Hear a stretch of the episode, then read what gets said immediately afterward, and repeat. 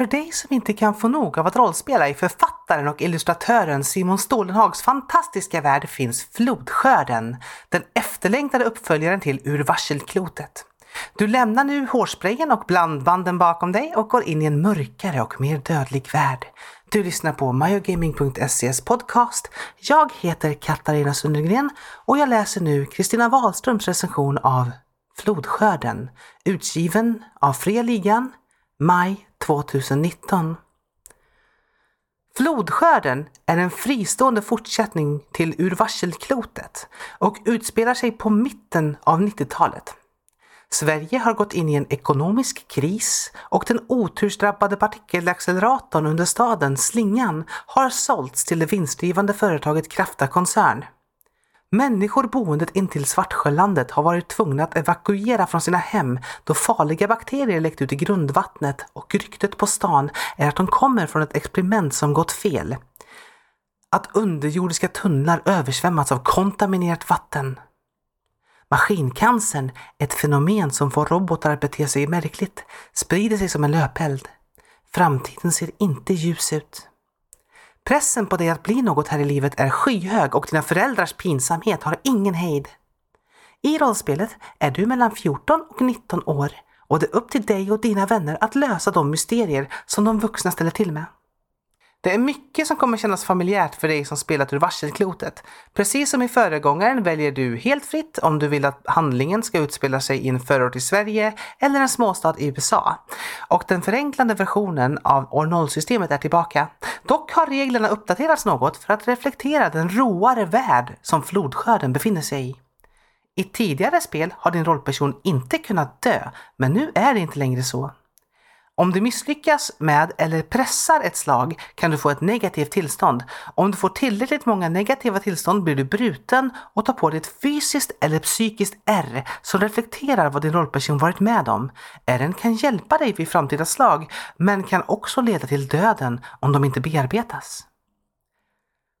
Varje rollperson har även en skam, något som väcker en känsla av att vara annorlunda eller konstig.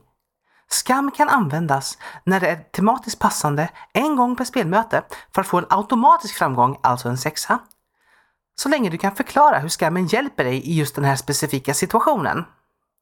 Det är en intressant spelmekanik som ger fokus och tyngd till det som händer under spelets gång. Det är inte bara reglerna som uppdaterats för att reflektera den råare värld du nu befinner dig i. Simon Stålenhags illustrationer har blivit mörkare och stundvis rent av otäcka. Organiskt material korsas med datorkomponenter och gränsen mellan vad som är levande och vad som är maskin suddas ut. Den grafiska formgivningen och illustrationerna håller samma höga standard som tidigare böcker och hänför läsaren med dess känslofulla uttryck. I Flodskörden är du inte längre en bråkstake, en hårdrockare eller en sportdåre, utan du får istället välja mellan nya karaktärstyper som till viss del bygger på eller påminner om de från Ur varselklotet. Bråkstaken kanske har utvecklats till en gatubuse som axlar ett allt för tungt ansvar för hemmiljön. Hårdrockaren kanske blivit en rockare som nu mest skriver svåra låttexter och som blir skickad till kuratorn. Och sportdåren kanske nu är en idrottare som tar sin utövning på allra största allvar, för det är vad pappa vill. Det är upp till dig att välja om din rollperson sållat om och gått nya vägar eller om han fortsätter utvecklas inom samma spår. Flodskörden innehåller kampanjen Pandoras profeter, bestående av fyra mysterier som leder rollpersonerna in i en spektakulär resa där de får träffa rollpersoner med storslagna ambitioner och en hemlighet värd att döda för. Det finns även en tillhörande modul som du kan köpa till, Kronografens hemlighet som kommer med nya mysterier i tid och rum, ett äventyrslandskap, ett kapitel om att skapa egna mysterier med scenario och karaktärsgenerator samt ett kapitel som Fredligen kallar för Mix-CD med åtta korta mysterier baserat på låttitlar. Modulen är ett fint komplement till grundboken för dig som vill ha fler mysterier att lösa.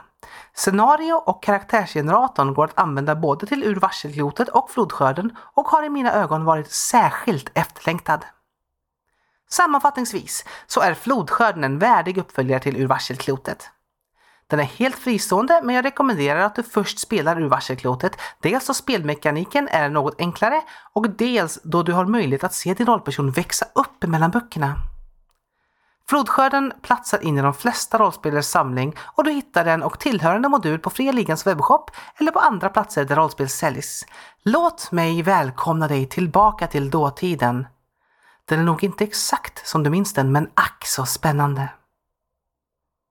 Jag heter Katarina Sundegren och det här har varit Kristina Wahlströms recension av Flodskörden. Tack för att du lyssnade. Ha en bra dag.